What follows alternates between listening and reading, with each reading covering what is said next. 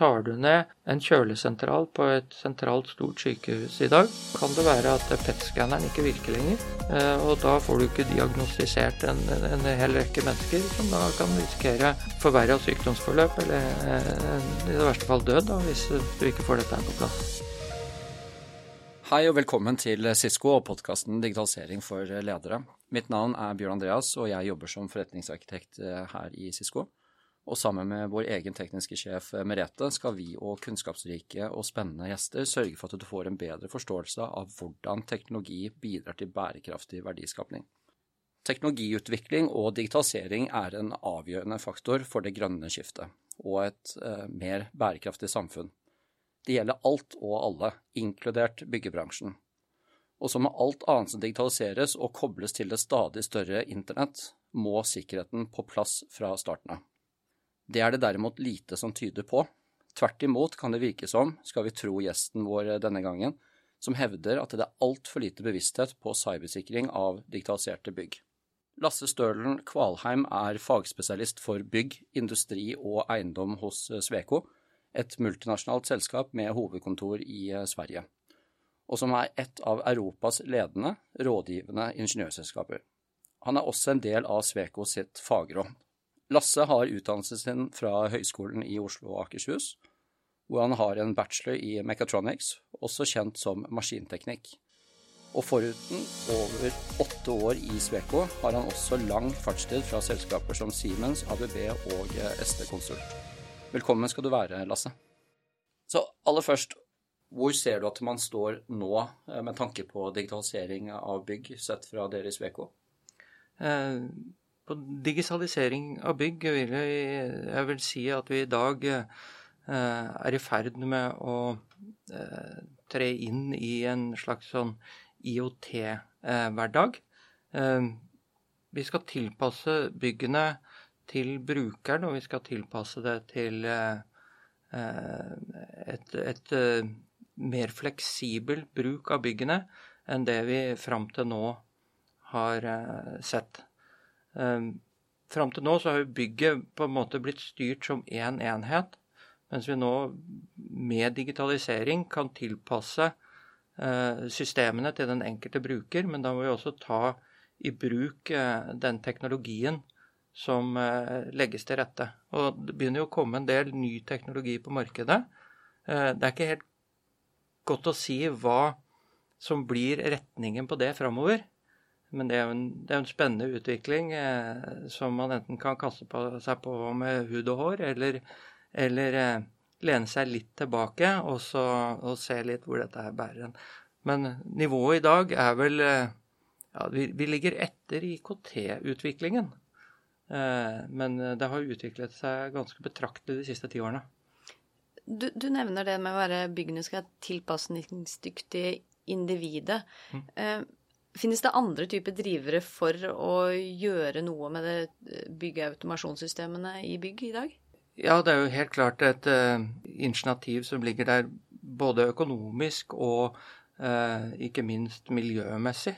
Hvor det å få et bygg til å fremstå som energieffektivt og uh, også miljøeffektivt, bærekraftig på alle mulige andre måter, er, er viktig. Og da kan man bruke altså, teknologi og digitalisering som et middel for å nå det målet.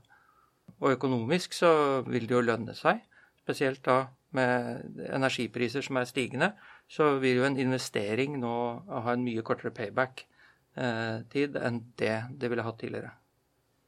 Hvilke data er det dere trenger å hente ut for å kunne gjøre noe annerledes? Eller Er det bytte av utstyr i bygget for å faktisk få et lavere energiavtrykk? Hva er det som må gjøres? Per i dag så er det vel egentlig altså Først, og, først av alt så må vi si at bransjen, bransjen samler jo inn mye data i dag som egentlig ofte ikke brukes til så mye. Eh, så disse dataene, hvis man da kunne behandle dem og strukturere dem, altså med, med type teknologi som gjerne finnes i andre bransjer, så ville man kunne utnytte det og, og kanskje eh, bare med den investeringen som er gjort i dag, kunne tune byggene mye bedre til å driftes mer energieffektivt og økonomisk. Da. Hvem sitter på disse dataene i dag? Nei, det er også et uh, spørsmål, og det er jo da, da er vi inne på cybersecurity og en del sånne eh, temaer igjen. For det, uh, det er ofte ikke en del av en kontrakt, i hvert fall ikke hvis det ikke løftes spesifikt, hvem som skal være eiere av dataene som kommer ut av et bygg.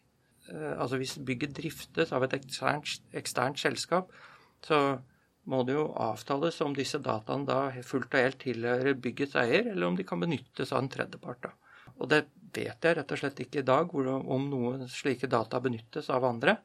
Men jeg vil jo tro at, at bransjen har litt styr på det. Ehm, men det ligger nok mye data der som ingen har kontroll på også. Ja, for det høres ut som du toucher på hvem som har tilgang til å benytte seg av dataene, men også hvem er det som er ansvarlig for å sikre, og skjerme eh, dataene? Også i den grad det er personsensitiv personsensitive informasjon eller virksomhetssensitiv eh, informasjon. Altså kanskje ikke du vil at andre skal ha tilgang til det. Men det virker som det også forholdet er da uavklart. Da. Ja, og, og i høyeste grad hvis man tenker på å videreutvikle dette her og tilpasse bygget til en, den individuelle bruker, så Eh, vil jo også følge en hel mengde data med om denne enkelte brukeren. Eh, og disse dataene de må jo behandles i henhold til lovverk og, og, og lagres deretter. Og I tillegg så jo, er jo disse dataene Altså data er verdi. Så noen vil jo kunne bruke disse dataene til enten å tjene mer penger eller å tune sine tjenester inn mot en bruker. Eh, og til en viss grad så gjør vel kanskje de som driver service på tekniske installasjoner i dag. For de vil jo Eh, på feedback fra det tekniske anlegget kunne tilby en, en, tjeneste hvor de møter opp og bytter deler og eventuelt tuner dette. Noen selger jo også og driftingstjenester hvor de tilbyr seg eh, å, å, forbedre energiforbruk eller den økonomiske driften av bygget. da. Dette var så spennende at jeg egentlig har lyst til å gå videre ned denne gata her. Men jeg vet vi skal snakke om sikkerhet i dag. Men, men før vi går hopper over på sikkerhet, jeg, jeg tar ett steg tilbake og så spørre deg, også fordi at jeg er litt nysgjerrig selv, kunne du liksom oppsummere eh, historien til byggautomasjon de siste 20 år? Hva har skjedd, og hvorfor? Ja, vi kan vel, kan vel starte på hva har skjedd, da. Mm. Eh, og det eh, som har skjedd, er jo at eh, i, i, som er vel kanskje det viktigste ut, utviklingspunktet, det er jo at eh, man har bygget sammen eh, infrastrukturen for tekniske anlegg, eh, og har begynt å bruke IKT-anlegg og IKT-struktur for å få systemene til å samhandle i mye større grad. Og man knytter sammen bygg, man knytter sammen eh, bygg i en hel organisasjon eller, og, og, systemer også internt i bygg eh, i en mye større grad enn det man kanskje gjorde tidligere. For 20 år siden altså Det høres jo høres jo ut som om, om, eh, det er veldig lenge siden, men, eh, men eh, for 20 år siden så fantes jo ikke smarttelefoner. Eksempel. Eh, nettverk, eh, både i private utholdninger og ofte også i offentlige bygg, var jo ADSL-linjer som kom inn til det enkelte bygg. Det var bare de største aktørene som hadde nettverk på, på, på tvers i sin organisasjon. Så vi har levert jo den gang veldig mange standalone bygg med en nettverkstilgang, hvor vi på begynnelsen av 2000-tallet kunne gå inn og, og, styre og overvåke byggene utenifra via eh, først en, en, oppringt forbindelse, og så en, eh, en type nettverksforbindelse, gjerne direkte knyttet til spesialisert software. Og så har man jo flyttet inn i internettverden, hvor man bruker nettlesere Eh, med de oppsider og nedsider det har. Eh, og har kommet seg fram til dit man er i dag. Altså Nå er jo dette her med fokus på nettverk, da. Det er jo mye annet som har skjedd i byautomasjonsbransjen også. Men, men eh, når vi nå flytter inn i nettverksverden, så begynner vi også å ta del i deres utfordringer og fordeler med tanke på sikkerhet, deling av informasjon det at du kan strømlinjeforme tjenester hvor du logger deg på et sted, eh, så har du en, en masse rettigheter tvers gjennom systemet. Da. Men driverne må jo Du, du sier at det er nettverksdrevet altså Det er nettverkssiden, og det har skjedd mye annet på automasjonssiden. Da blir jo jeg veldig sånn nysgjerrig på eh, er det fordi at de systemene som drifter bygget, også har blitt digitalisert og, og krever noe annet, eller? For jeg, det er jo en viktig driver at hva som faktisk har skjedd i byggautomasjon. Ja, det er, det er jo både òg. fordi uh, de fleste bygg er jo altså, utstyrt med et uh, luftbehandlingssystem, altså kommersielle bygg, da. Uh, og et vannbehandlingssystem, altså det kan være altså, både tappevann, varmt vann, og etter hvert da altså alarm, sikringssystemer, brannvarslingssystemer og en rekke andre systemer etter hvert. da. Mange av disse systemene var jo stand-alone-systemer som eksisterte hver for seg tidligere. Eh, så har man begynt å knytte de sammen. Eh, man har hatt eh, til dels store utfordringer med hvilke språk disse systemene skal snakke sammen på. Altså det som kalles for protokoller, altså utveksling av data mellom systemene. Og det har jo utvikla seg voldsomt der hvor man da kan begynne å bruke IKT som, altså, som signalbærer og, og, og, og in, lage en integrasjon mellom systemene. Tidligere øh, var det vel mm, alltid begrensa til kun altså digitale signaler. Det er det til en viss grad i dag også, men, men, den veien har utviklingen gjort at dette her øh, Systemene kan, kan uh, dra mye mer nytte av hverandre. Og gjør at bygget ses som helhet, da. Ja, så er det vel måten bygget blir utformet og tilbys nå, gjør at uh det er ikke nok å installere et sånt et system innenfor et visst fagområde i bygget, og så kan du komme tilbake om fem eller ti år og, og, og, og tune det. Det er hyppigere endringer kanskje i forhold til å optimalisere, eller si bare på avgangskontrollsystemet. Det å, du har ikke lenger kanskje en maskin stående på vaktmesterkontoret som lager de nye kortene. Kanskje det i mye større grad henger opp mot altså ansattidentiteten eh, til den leietageren som arbeidsgiverorganisasjon som er der. Så ting er mer sammenkoblet.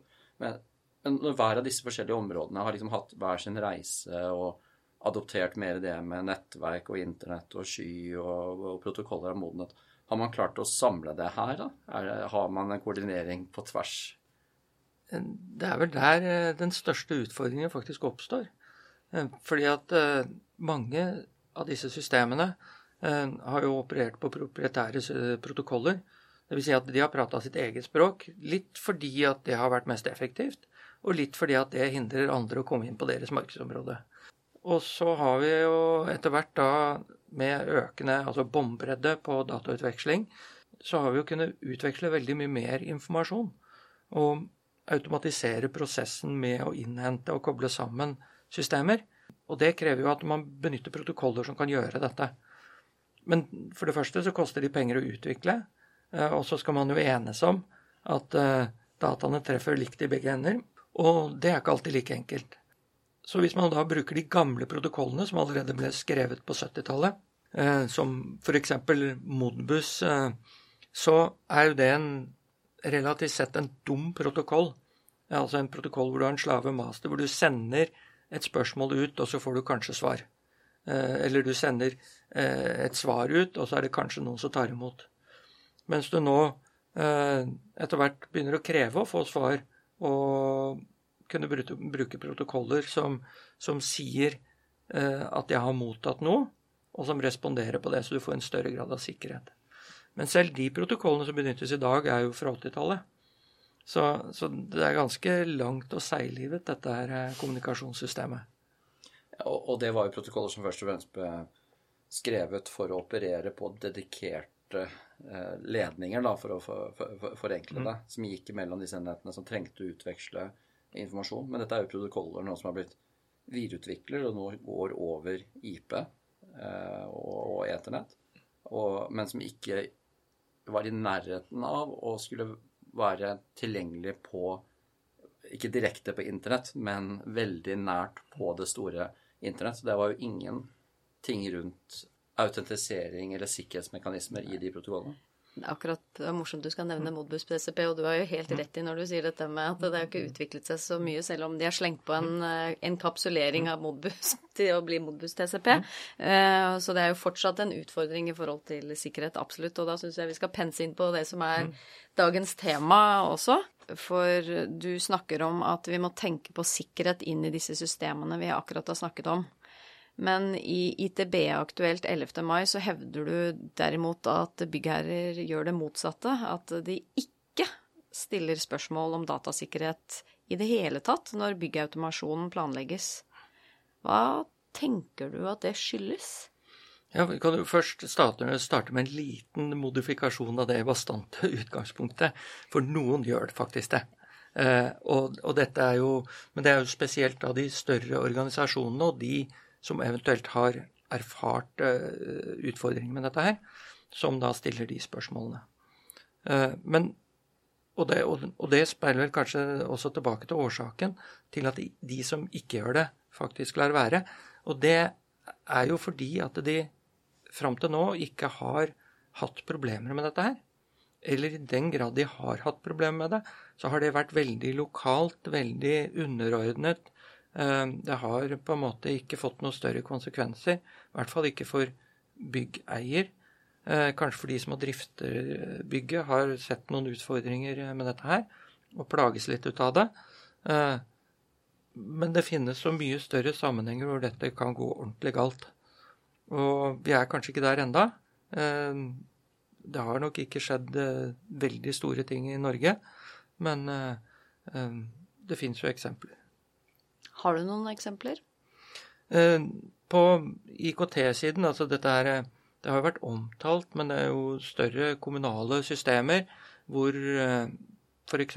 Og, det, og det, dette var jo den gang ikke et, et villet eh, villet innbrudd eller et villet skadeforsøk. Det var rett og slett en feil som skjedde i en protokoll i en undersentral, altså i en datamaskin som gjorde at eh, Altså grunnet utformingen av eh, IKT-nettverket, så ble denne feilen spredd over veldig mange bygg. Og det fikk veldig store konsekvenser for byggene og byggherrer. Eh, eller byggherren, er jo det riktige der.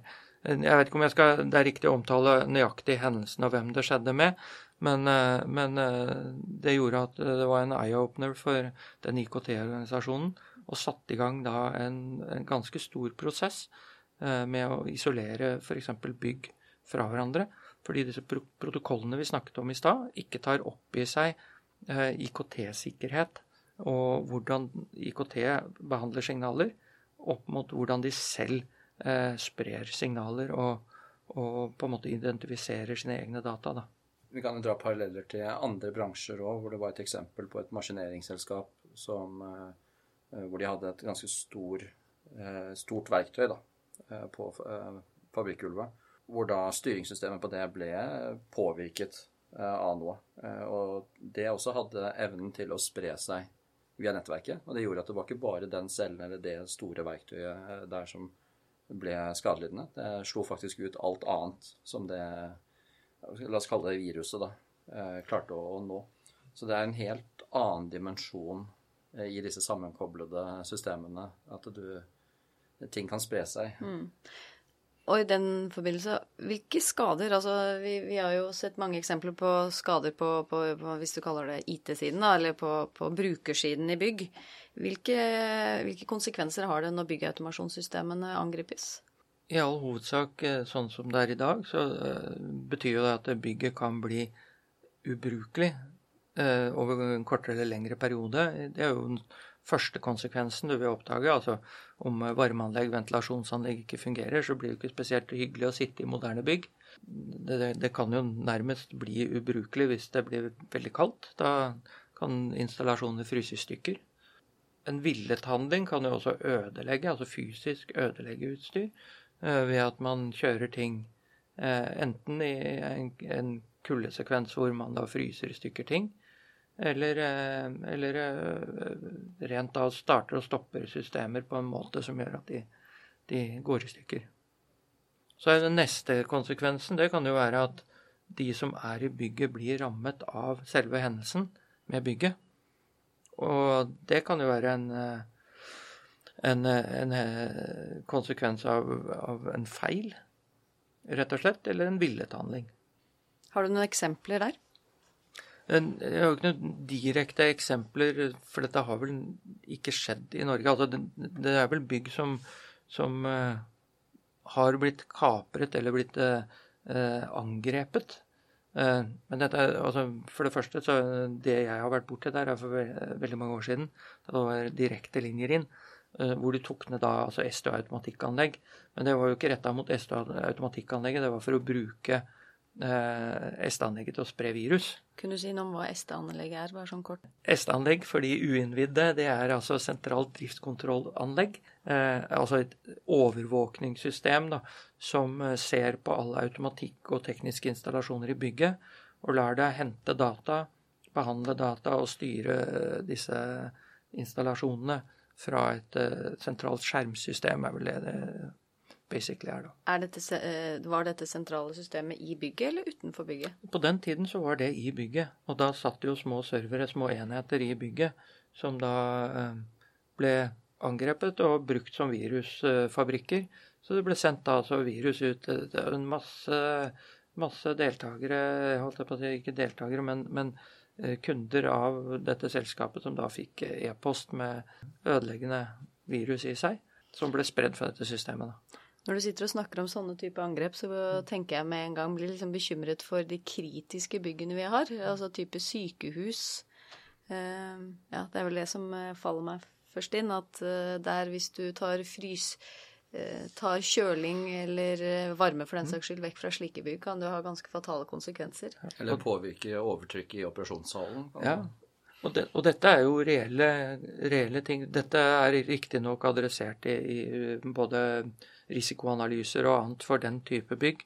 Mm. Eh, det har også vært med på å både lage kravspesifikasjoner og vurdere sånt for den type bygg. Men, men det har ikke ligget lengst framme i pannelappen for alle før nylig. Blant annet som du sier, altså kjølekapasitet. Altså tar du ned en kjølesentral på et sentralt, stort sykehus i dag, kan det være at PET-skanneren ikke virker lenger. Eh, og da får du ikke diagnostisert en, en, hel rekke mennesker som da kan risikere forverra sykdomsforløp, eller eh, i det verste fall død, da, hvis du ikke får dette her på plass. Men samtidig, hvis skoler ikke vil fungere over en del dager det, det er ikke om liv og død, men det skaper jo ringvirkninger i samfunnet eh, hvis du nekter skoler å operere over en periode. Ja, og det trenger jo ikke bare være et, et, altså et, altså et angrep hvor man da på en måte nekter noen å være der. Det kan jo være feil som oppstår rent av fordi at eh, noen har bygget det feil, eh, lasta ned en programendring som gjør at systemene går ned. Det er mange, mange, av dagens skoler kan man jo lufte med vinduer, og man har boblejakker som man kan sitte inne. Men der hvor, hvor man har gått aktivt til verks og på en måte fått en hendelse hvor mange skoler går ned samtidig, så påvirker det jo altså minst én foreldre, vil jeg tro, per elev, som da ikke kan være på skolen lenger, i hvert fall opp til en viss alder. Og det får store samfunnsmessige konsekvenser. Jeg eh, sjekket på internett hvor mange kontorbygg som finnes i Norge i går. Og internett kunne fortelle meg at det var 38 912 eh, kontorbygg i Norge. Hva vil du si er status quo i forhold til cybersikkerhet? Og jeg vet at dette er ikke Nå er jeg slem som gir deg et så vanskelig spørsmål. Men hvis du, du har jo jobbet i bransjen et par år, hva er din magefølelse? Magefølelsen er jo at veldig mange av disse kontorbyggene ligger ikke nødvendigvis i Oslo sentrum og tilhører en stor organisasjon. Mm. Og da er vel kanskje fokuset noe lavere på dette her. Og så må jo den enkelte byggherre spørre seg hva er konsekvensen av at mitt bygg går ned. Eh, hvis det ikke er noen konsekvens, ja vel, så, så let it be. Da er det liksom kostnaden eh, du har der. Men er det, er det større bygg er, hvor ikke dette er adressert, og da snakker vi om bygg som kanskje ikke er eh, digitalisert, automatisert eller rehabilitert de siste ti år, så, så kan det fort være at de er ganske utsatt. Gitt at eh, cyberangrep mot eh, digitaliserte bygg er slik en stor trussel, og farene er store, mm. som vi nå har pratet om, samtidig som vår bevissthet og kunnskap kanskje er litt for lav, da. Er det ikke bedre å vente med å digitalisere alle disse byggene til alt er eh, safe og på stell? Ja, da tenker jeg at da kan man jo sikkert vente evig. Eh, altså et sted må man jo begynne. Og i den, den hverdagen hvor vi nå bærekraft er på en måte satt eh, som hovedfokus, og så alle de ting som det fører med seg, altså eh, energieffektivisering, økonomisering, altså digitalisering er jo, er jo bare et middel for å nå et mål, så, så må man jo eh, benytte denne digitaliseringen for å komme seg dit man vil. Mm. Og så må man passe på hvilke feller man tråkker i på veien. Og, og disse fellene er ikke alltid så åpenbare, da. For, fordi at det har vært ganske stort skille mellom bransjene her. Men jeg, jeg, jeg hørte egentlig at du har nevnt to barrierer i forhold til å si at eh, hvis vi har så mange kontorbygg og vi ønsker på en måte å optimalisere de sånn at vi faktisk kanskje bruker mindre energi i det, da, hvis vi ser på det bærekraftsdelen av det. Du nevnte jo også innledningsvis om data. Altså behovet for hvor er de alle disse dataene, og hva kan vi lære på tvers av 38 000 pluss bygg i, i Norge om bruken av energi. Og du nevner sikkerhet. Så det er jo det er vel to viktige aspekter som man kunne, må ta tak i. Og, og, og sikkerhet i den sammenheng, det, det, det, er jo et veldig vidt begrep. Vi, vi begynte jo liksom på å si det med, med hendelser hvor, hvor, du tar ned enkelte tekniske systemer. Men så kan du gå på et villet På en skole, hva hvis noen da altså Med det bakteppet som vi har nå, med, med noen skoleskytinger som har vært eh, nylig um, hva hvis en går inn og så stenger alle dørene og kun åpner hovedutgangsdøra? Du har slusa alle til ett sted. Eh, og på skoler, eh, altså Enkelte skoler er veldig godt sikra, mens andre de har låsesystemer. altså hvor, eh, Som innledningsvis ble prata om her, tror jeg, med, med, en kortleser og en kortproduksjonsmaskin som står lokalt i bygget. Ikke sant? Da er det ikke veldig mange barrierer man skal gjennom for å komme seg inn dit og kunne foreta en sånn handling. Det er klart at det, noen må jo gjennomtenke det, men, men eh, eh, no, noen tenker verre og verre eh, løsninger for, for, å komme seg dit de vil om dagen. Så er det annen, et annet aspekt ved det. Det er jo hvis man begynner å, å, å sette inn en masse IOT-løsninger, altså små enheter med en eh, mikroskip, et minne og eh, en mulighet for en software, så må jo denne softwaren også holdes ved like. Dette er jo litt av i den tankegangen. altså Når ting kommuniserer, så kommuniserer de på en protokoll og et språk. Og hvis man oppgraderer språket, utvider ordforråd osv., det er jo det man kan sammenligne det med, så må man oppdatere disse enkelte enhetene. Og når man oppgraderer store mengder enheter, hvis da noe går galt, hvor stor påvirkning får det? Det er også et spørsmål man må stille seg når man da eh, sprer en masse, masse, enheter ut i bygg. Eh, og det er vel en av de større farene, sånn, som ikke er en villet konsekvens, men som kan ta ned bygg som er digitalisert helt eh, i front.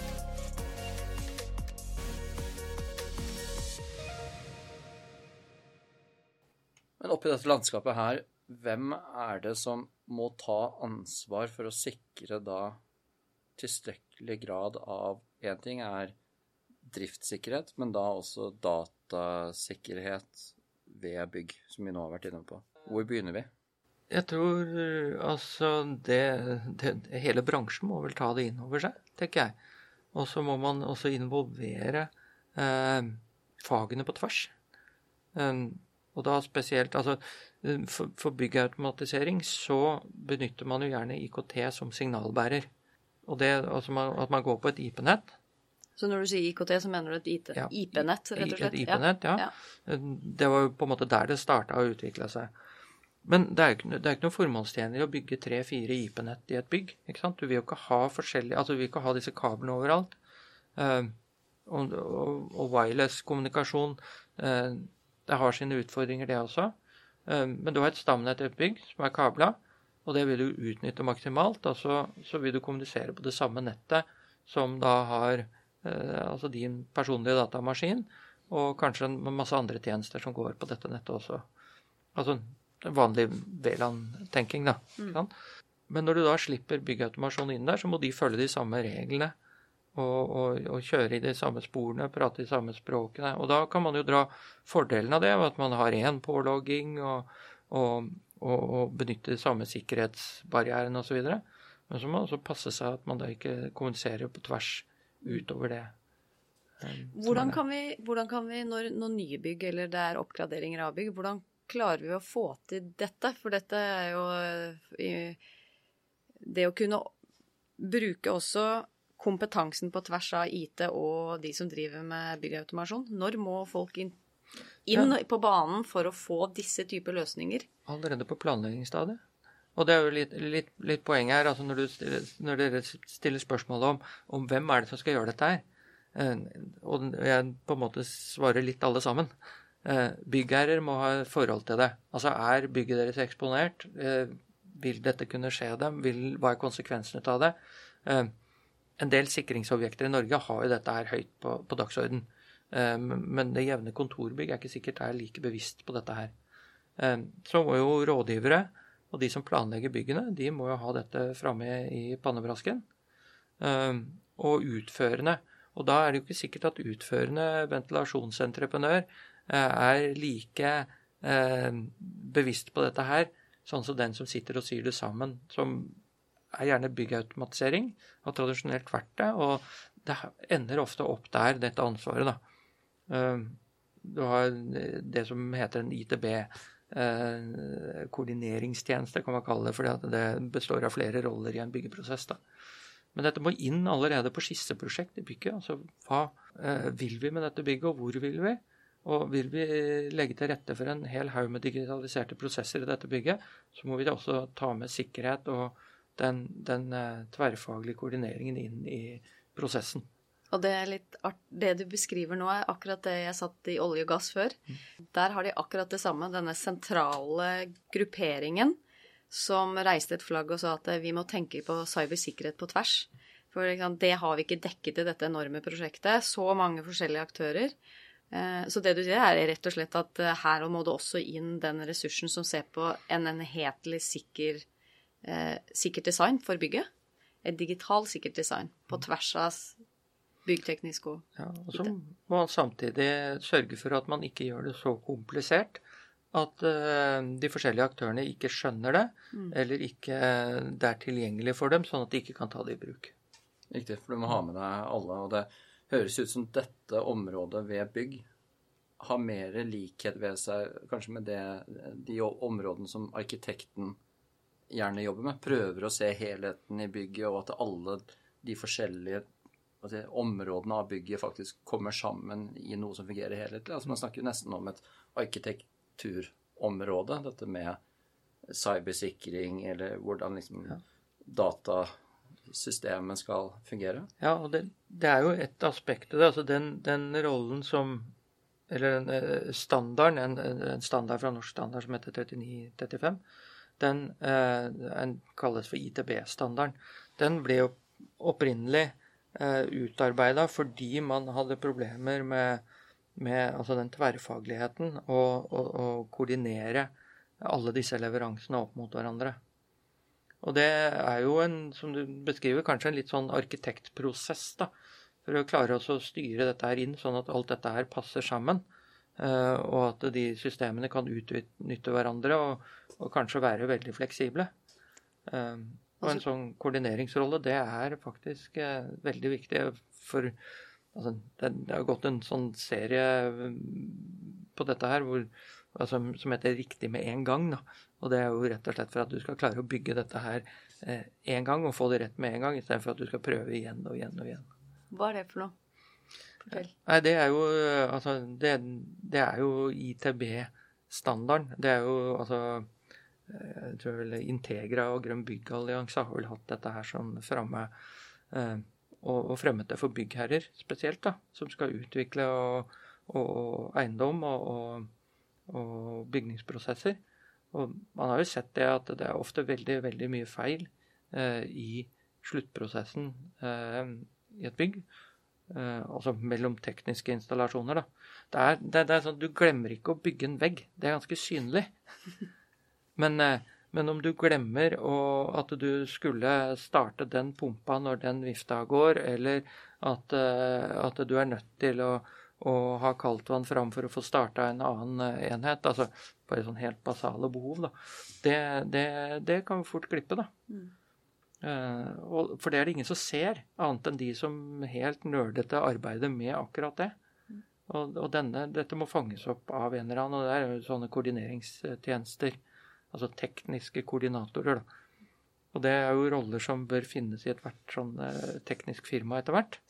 Eh, og er det sikkert også i mye større grad nå enn det var tidligere. da. Det er mange eh, lovpålagt eller, eller områder med litt tydelige forskrifter, da, hvor du bl.a. har tilsyn eller som hvor det ettergås. Men det er vel lite av dette her når det kommer til cybersikkerhet og det digitale sfæren av et bygg? Det er vel ingenting.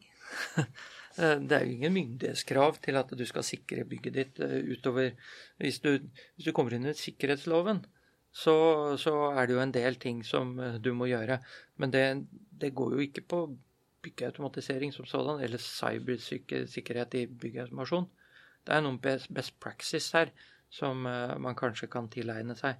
Men uh, det er jo innenfor enhver Eh, byggherres organisasjon man gjerne finner den best practice, da, hvis den finnes. Og Da ser man jo eh, gjerne, hvis ikke det er direkte lovpålagte krav, da, så kanskje det er eh, risikobildet av det som gjør at du kanskje tegner forsikringer for å håndtere uforholdsmessige konsekvensen av det som kan skje. Men, men påvirker dette her forsikringspremiene på bygda? Jeg ville jo tro at det skulle kunne gjøre det. Men eh, jeg, jeg, nå kjenner jeg ikke forsikringsbransjen så godt at jeg kan si om de har en risikovurdering ut fra hva slags SD-anlegg du har. Eh, eller automatikkanlegg du har, eller hvordan cybersikkerheten er i bygget ditt. Jeg har i hvert fall aldri blitt forespurt om hva nivået på det er i dette bygget. Det går mer på vann og brann og tyveri og de klassiske Ja, og så har du en, en Bream-klassifisering som klassifiserer byggeprosessen. Og i den byggeprosessen så ligger det altså noen Bream-poeng du kan samle ved å på en måte koordinere de tekniske tjenestene på riktig vis. Eh, men så har du da Jeg vet ikke den standard, Altså, jeg kjenner ikke Bream in use godt nok. Men, men, du blir sjelden spurt om når bygget er ferdig. Altså Du får høre at dette er Brym-klassifisert, Men det har jo med byggeprosessen og fram dit. Men hvordan dette blir brukt etterpå, driftet, mm. det er det ingen som spør deg om. Eh, det de kanskje kan spørre om, det er altså har du f.eks. waterguard eh, på eh, utsatte områder? Har du tilgjengelig sluk der du trenger det, osv.? Men det er på en måte nesten som forskriftsmessig noe av det. Det høres jo ut som altså oppesiden er stor, nødvendigheten for eh, økt grad av digitalisering av bygg er helt klart til stede. Du nevnte jo energieffektivisering, men det er jo også et eh, behov etter hvert for altså, større utnyttelsesgrad av bygg. Man ser jo det i nye arbeidsvaner og sånt. Det er en veldig stor volatilitet i bruken av bygg. Eh, hvis du sammenligner snittbruken mot peak-bruken Vi skal jo dimensjonere alle bygg for å ha plass til alle en eller annen gang. Men til vanlig så blir det brukt veldig lite. Og det er jo vi må ha mer data, vi må forstå mer hvordan bygg blir brukt, sånn at vi kan ha mer styrt bruk og få opp utnyttelsesgraden eh, av bygg. For vi kan ikke fortsette å eh, dra ned markagrensa, bygge bygg eh, overalt og så bare bruke det ørlite grann. Så det virker som vi må digitalisere, vi må forstå, vi må ha mer datadrevet tilnærming til bygg. Men samtidig så sier vi at nei, det er ikke noe cyberangrep. Det er altså, risikobildet rundt denne økte graden av digitalisering virker ikke som man har eh, fokus på. Er det, er det, naivt å tro at eh, det ikke har skjedd eller vil skje eh, cyberangrep mot bygg, og at dette er faktisk et trusselbilde vi må begynne å ta mer seriøst? Hva som er av angrep her i dag, eller hva som er, ligger inne i det vi allerede har, det vet vi jo ikke. Så, så lenge ingen på en måte har utløst det. Eh, altså, de har jo kapra eh, datasystemer i bygg. Eh, ikke nødvendigvis på byggautomasjonssiden, men altså eh, Kaprer du et bygg i dag, dag som er litt dårlig sikra, og så ber om 10 000 kroner da, for, å, for å få tilbake dette bygget, så vil jeg tro at mange byggeiere gjerne ville betalt de 10 000 istedenfor å automatisere bygget sitt på nytt. Uh, Så det, det er jo den villede eh, angrepet som, som, man på en måte må sikre seg mot. da. Men, men i, i eh, større, eh, nyere bygg som da skal inneholde så mye for å bli bærekraftig, da, som egentlig er det du beskrev, så hvis man, hvis man skal sikre seg mot dette, så må det rett og slett fram på dagsorden. Og i hvilke prosesser må det da snakkes om og diskuteres? Er vi tilbake på start? Oppstart? Vi, vi er tilbake på oppstart. Altså det, det, er så mange fasetter ved dette her, så vi kan sikkert diskutere det i timevis. Eh, det, altså det finnes to standarder. Da. Altså jeg sitter i, i en, en eh, komité som heter 025 hos Norsk Standard, og det er den som er utgitt altså Eh, ITB-standarden, så er det en som heter 6450, som er prøvedriftsstandard, kalles den. Men den har med prosessen med å ferdigstille bygg. Og det er ikke spesielt bærekraftig å ferdigstille et bygg flere ganger. Og, og, og, og, veien dit skal jo også sikres. Hva mener du med flere ganger? Nei, altså Hvis du gjør det feil første gangen, så må du gjøre det en gang til. Og, så må du teste det på nytt, og så skal du integrere det mot en IT-system organisasjon, eh, gjerne inn på deres nettverk. Og hvis ikke de er klare, så må du rykke Altså, hele denne prosessen må starte allerede på planleggingsstadiet. Og når du snakket om drift i stad, så finnes det også nå en driftsstandard som tar opp i seg drifting av uh, tekniske anlegg i bygg. Som kom ut i fjor, hvis jeg ikke husker feil. Den heter 6460. Da har jeg så mye spennende lesestoff i kveld, Mira Andreas. Er du ikke enig? Nå skal vi hjem og kan, lese. Kan nok hende at dere sovner hvis dere ser dette, er jo, uh, dette er jo byggtekniske standarder som beskriver en prosess. Jo, men det er utrolig viktig, da. Og, og, hvis det også setter standarden for hvordan den prosessen skal se ut, så er det jo der eh, vi må på en måte definere noen nye linjer, da. Når, når det er sagt, så arbeider vi også med en veileder for cybersikkerhet i byggeautomatisering. Fra, fra hvem sin side? Fra Norsk Standard. Og det er en gruppe som jeg og noen flere aktører i bransjen er med på å jobbe med. Det er et, et, et, et, arbeid som tar ganske lang tid. Vi burde ha hatt den ute for lengst. Det ser vi jo eh, sånn som det er eh, nå. Men vi har en plan om å få den ut om ikke så veldig lenge. Så eh, nå, nå ligger det eh, noe i bakhodet mitt som kommer fra et NRK-program, og det er 'våg å prate om det'. Jeg tror egentlig det er starten her. At vi må kanskje vi, og jeg sier vi med den bransjen vi representerer fra Cisco sin side, og, og, og aktører rundt oss, men vi og dere med på tunge byggrådgiverne sine, vi må våge å bare begynne å prate om disse tingene. Ha mer dialog og, og, og lære om hva er omfanget? Hvor mm. står vi? Hva, hva, hva trenger man egentlig å gjøre? Er, hvordan ser risiko- og trusselbildet ut? Så trenger man kanskje en litt sånn tverrfaglig mm. eh, informasjonskampanje, eller, eller eh, bare meningsbrytning og informasjonsutveksling eh, mellom IKT-bransjen og byggautomatiseringsbransjen. Eller i det hele tatt byggteknisk bransje, da. Hvor går byggteknisk bransje for å lære om disse temaene? Eventuelt hva ville vært en riktig fora for å ja, læring på tvers? Ja, det er jo eventuelt disse bransjeorganisasjonene da, som da kan gå inn og, og, og sette dagsorden her.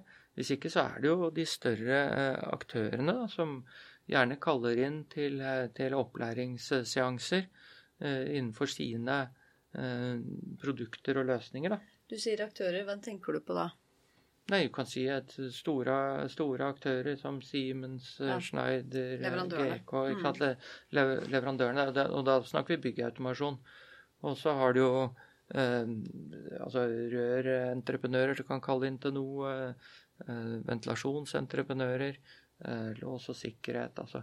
Det er, det, er, mange som sitter med veldig mye informasjon og veldig høy kompetanse. Men eh, man klarer liksom ikke nyttiggjøre seg det på tvers da, før man møter de rette personene, gjerne på en byggeplass. Og da er man på en måte så langt i prosessen at dette her, eh, å backtracke det, det er både dyrt og, og, og, og uhensiktsmessig. Hva tror du skal til for at byggbransjen generelt skal få tilstrekkelig økt bevissthet da, rundt sikkerhet? Altså, vi er jo litt inne på det mm. her nå, men eh, hva tror du kunne være det viktigste? Hvis, hvis, du er byggeier, så er det jo rett og slett at du merker det på lommeboka. Da vil du jo fort ha gjort noe med det for lenge siden. Men, eh, men eh, hvis man skal være litt proaktiv, da, så er jo rådgiveren eh, litt i førersetet her med å få inn dette her i kravspesifikasjoner. Og så må den som bestiller dette bygget eller denne løsningen, faktisk være med på at vi må gjøre noen grep her når vi planlegger dette bygget. Dette må vi ta hensyn til. Mange, mange, byggherrer sitter jo også med en egen IKT-organisasjon som, som, da har på en måte sin egen prosess inn i dette her, men de må inn så tidlig at de må være med i planleggingsstadiet til, til dette bygget og den tekniske infrastrukturen i det bygget. Og i noen nyere bygg så jeg, har jeg faktisk blitt involvert, eller har involvert eh, IKT-organisasjonen inn i dette, og det blir ganske spennende meningsbrytninger der. Veldig mange ledd i eh, bygg- og anleggsbransjen blir jo presset eh, på tid og, og, kost. Det er vel ikke helt feil å si at også rådgivende leddet får det presset, og det er veldig mye av kravspekker som blir kopiert fra foregående eh, prosjekt, og man har ikke tid og ressurser til å gjøre nødvendig grad evaluering og utvikling av de kravspekkene.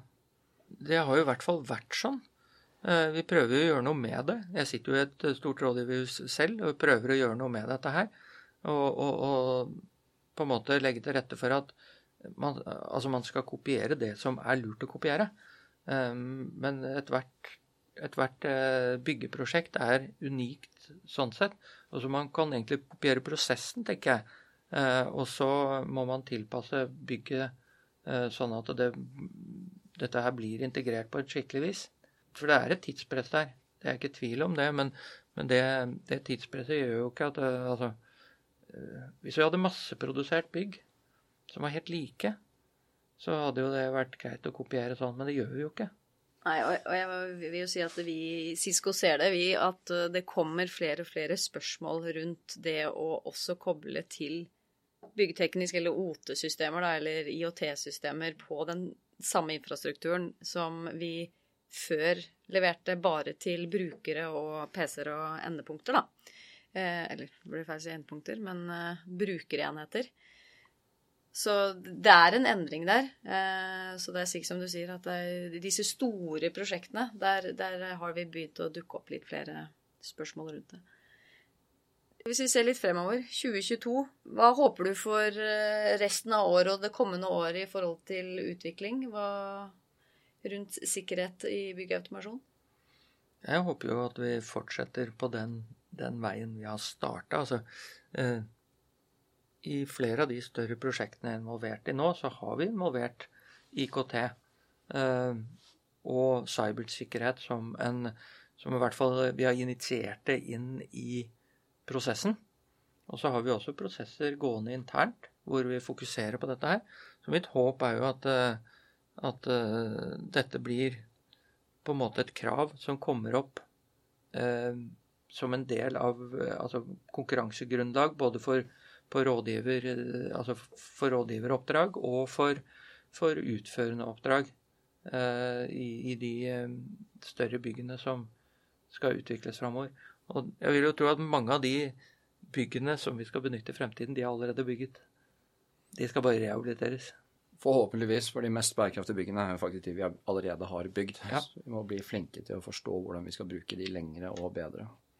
Og dermed så er jo optimalisering av de prosessene som er i disse byggene, eh, er jo, eh, er det jo avgjørende at vi tar i bruk altså digitalisering og, og altså kommunikasjon på tvers, da. Så når vi ser fremover og gi litt innblikk altså Vår erfaring er jo at manglende bevissthet mangler, handler ofte om manglende forståelse. Og vi har jo så vidt berørt eh, det underveis i samtalen.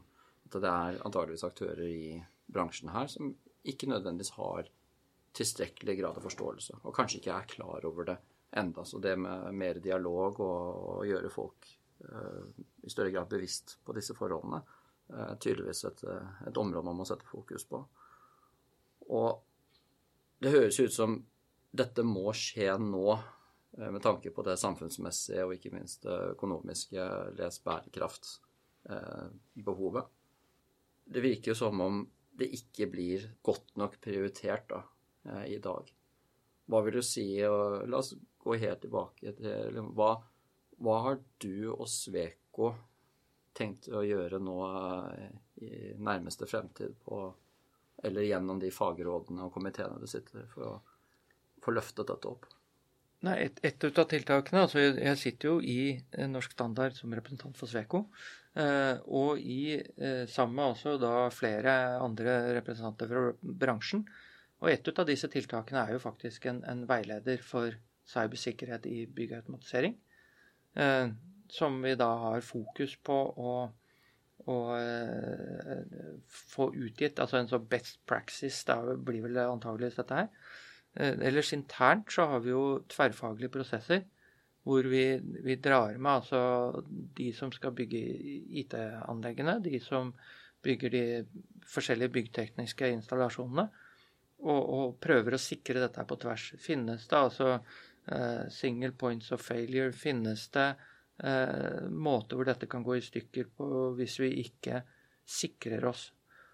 Og så har jeg et håp om at vi kan komme litt mer i inngrep med IT-bransjen, rett og slett.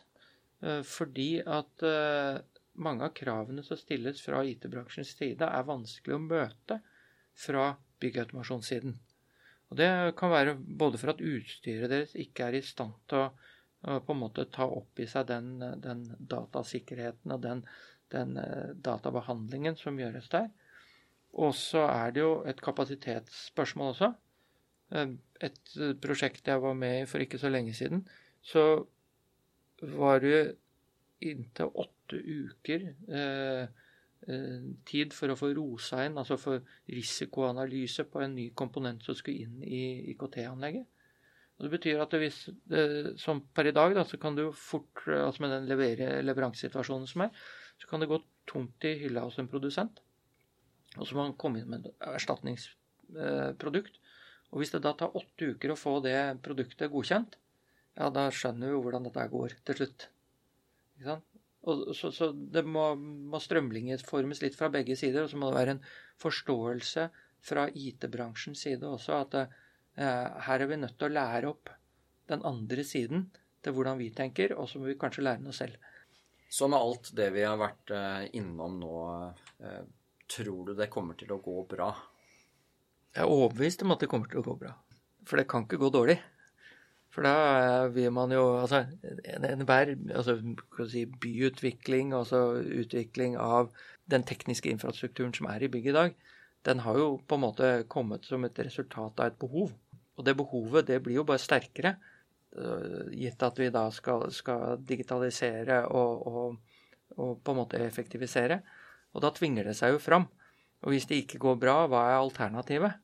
Skal man plukke ut alt sammen og gå tilbake og lufte med vinduet og, og liksom gå trapper i, i hus på, på 20 etasjer osv. Det blir jo ikke sånn.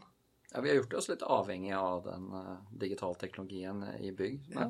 Betyr det at må det gå, gå skikkelig ille da, før uh, vi forstår at dette her er viktig, og, og begynner å, å, sette fokus på det?